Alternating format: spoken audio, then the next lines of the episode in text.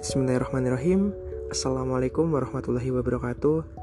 Alhamdulillah Pertama-tama marilah kita panjatkan rasa puja dan syukur kita Atas kehadirat Allah subhanahu wa ta'ala Yang karena rahmat serta hidayahnya Kita masih diberi kesempatan Kita masih diberi kesehatan Untuk terus belajar mengenai agama Islam.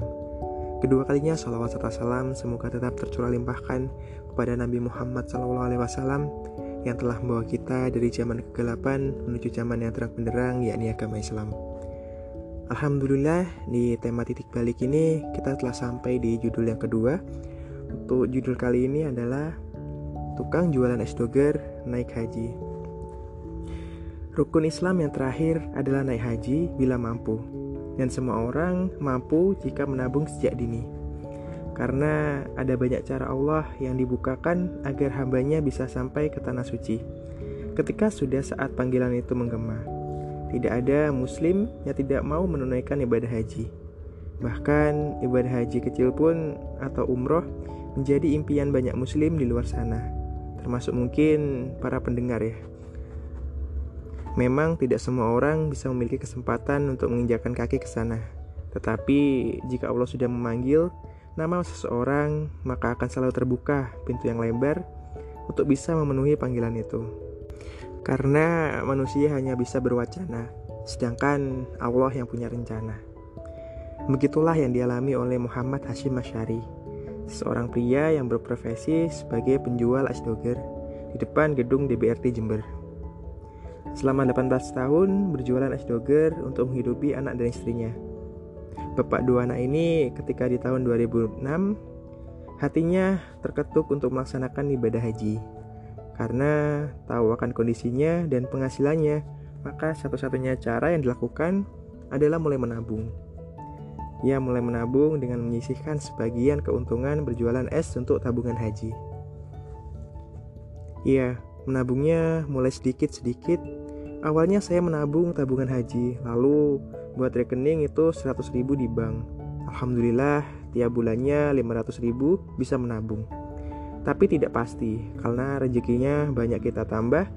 Minimal saya kumpulkan 500 ribu per bulan dari pendapatan setiap hari. Dari hasil menjual es saya sisihkan. Berikut cerita dari beliau. Dengan balutan keyakinan serta ketekunan serta terus berdoa, itulah menjadi pintu masuk ia dan sang istri akhirnya bisa berangkat ke Mekah untuk melaksanakan ibadah haji. Mungkin bagi sebagian orang ini terlihat mustahil dan mengagetkan. Karena semua orang tahu berapa biaya yang diperlukan untuk berangkat haji. Namun, hal itu tidak mengurungkan niat bapak dua anak ini untuk terus berusaha. Menurut keterangannya, ketika beberapa kali diwawancara oleh media, beliau berucap bahwa semuanya bermula dari uang 100 ribu. Untuk membuka tabungan, hingga akhirnya terkumpul sejumlah biaya untuk berhaji. Seperti halnya pepatah lama bahwa sedikit demi sedikit, lama-lama akan menjadi bukit. Dan hal ini benar adanya, ketekunan dan istiqomahnya menabung sebagian dari keuntungannya. Berjualan es doger ini akhirnya membuahkan hasil setelah 13 tahun lamanya.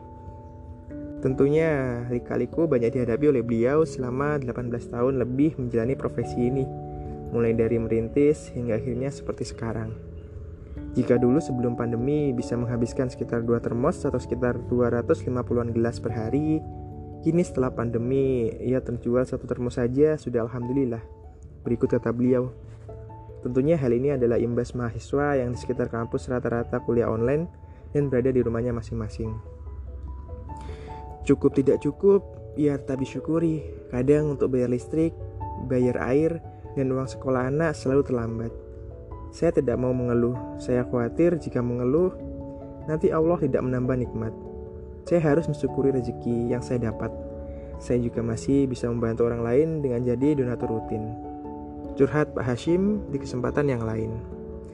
Bapak Hashim ini beralamat di Jalan Manggar dan beliau adalah orang kelahiran Bondowoso. Beliau adalah orang yang tekun dan ulet berusaha untuk selalu menyisihkan keuntungan berjualan setiap bulannya sekitar 500 ribu. Tetapi beliau menyampaikan bahwa ini tidak selalu karena tergantung dari rezeki hasil jualannya. Jika sedang banyak, beliau melebihkan dari setoran biasanya.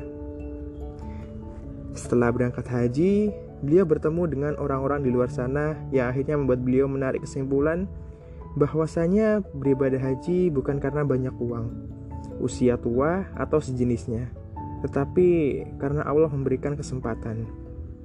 Beliau menuturkan bahwa jamaah rombongannya itu dulu ada yang hanya menunggu empat tahun sudah bisa berangkat. Ada juga yang tidak pernah menabung tetapi ternyata mendapatkan panggilan. Dan pesan beliau untuk siapa saja yang sudah punya niat baik untuk menunaikan haji haruslah menguatkan keinginan kemudian usaha untuk menabung, dan pastinya berdoa. Maka insya Allah akan terbuka jalan Allah untuk hambanya. Semoga kita bisa diberikan kesempatan untuk bisa menghadiri panggilan Allah dan melaksanakan ibadah haji. Amin. Allahumma amin. Assalamualaikum warahmatullahi wabarakatuh.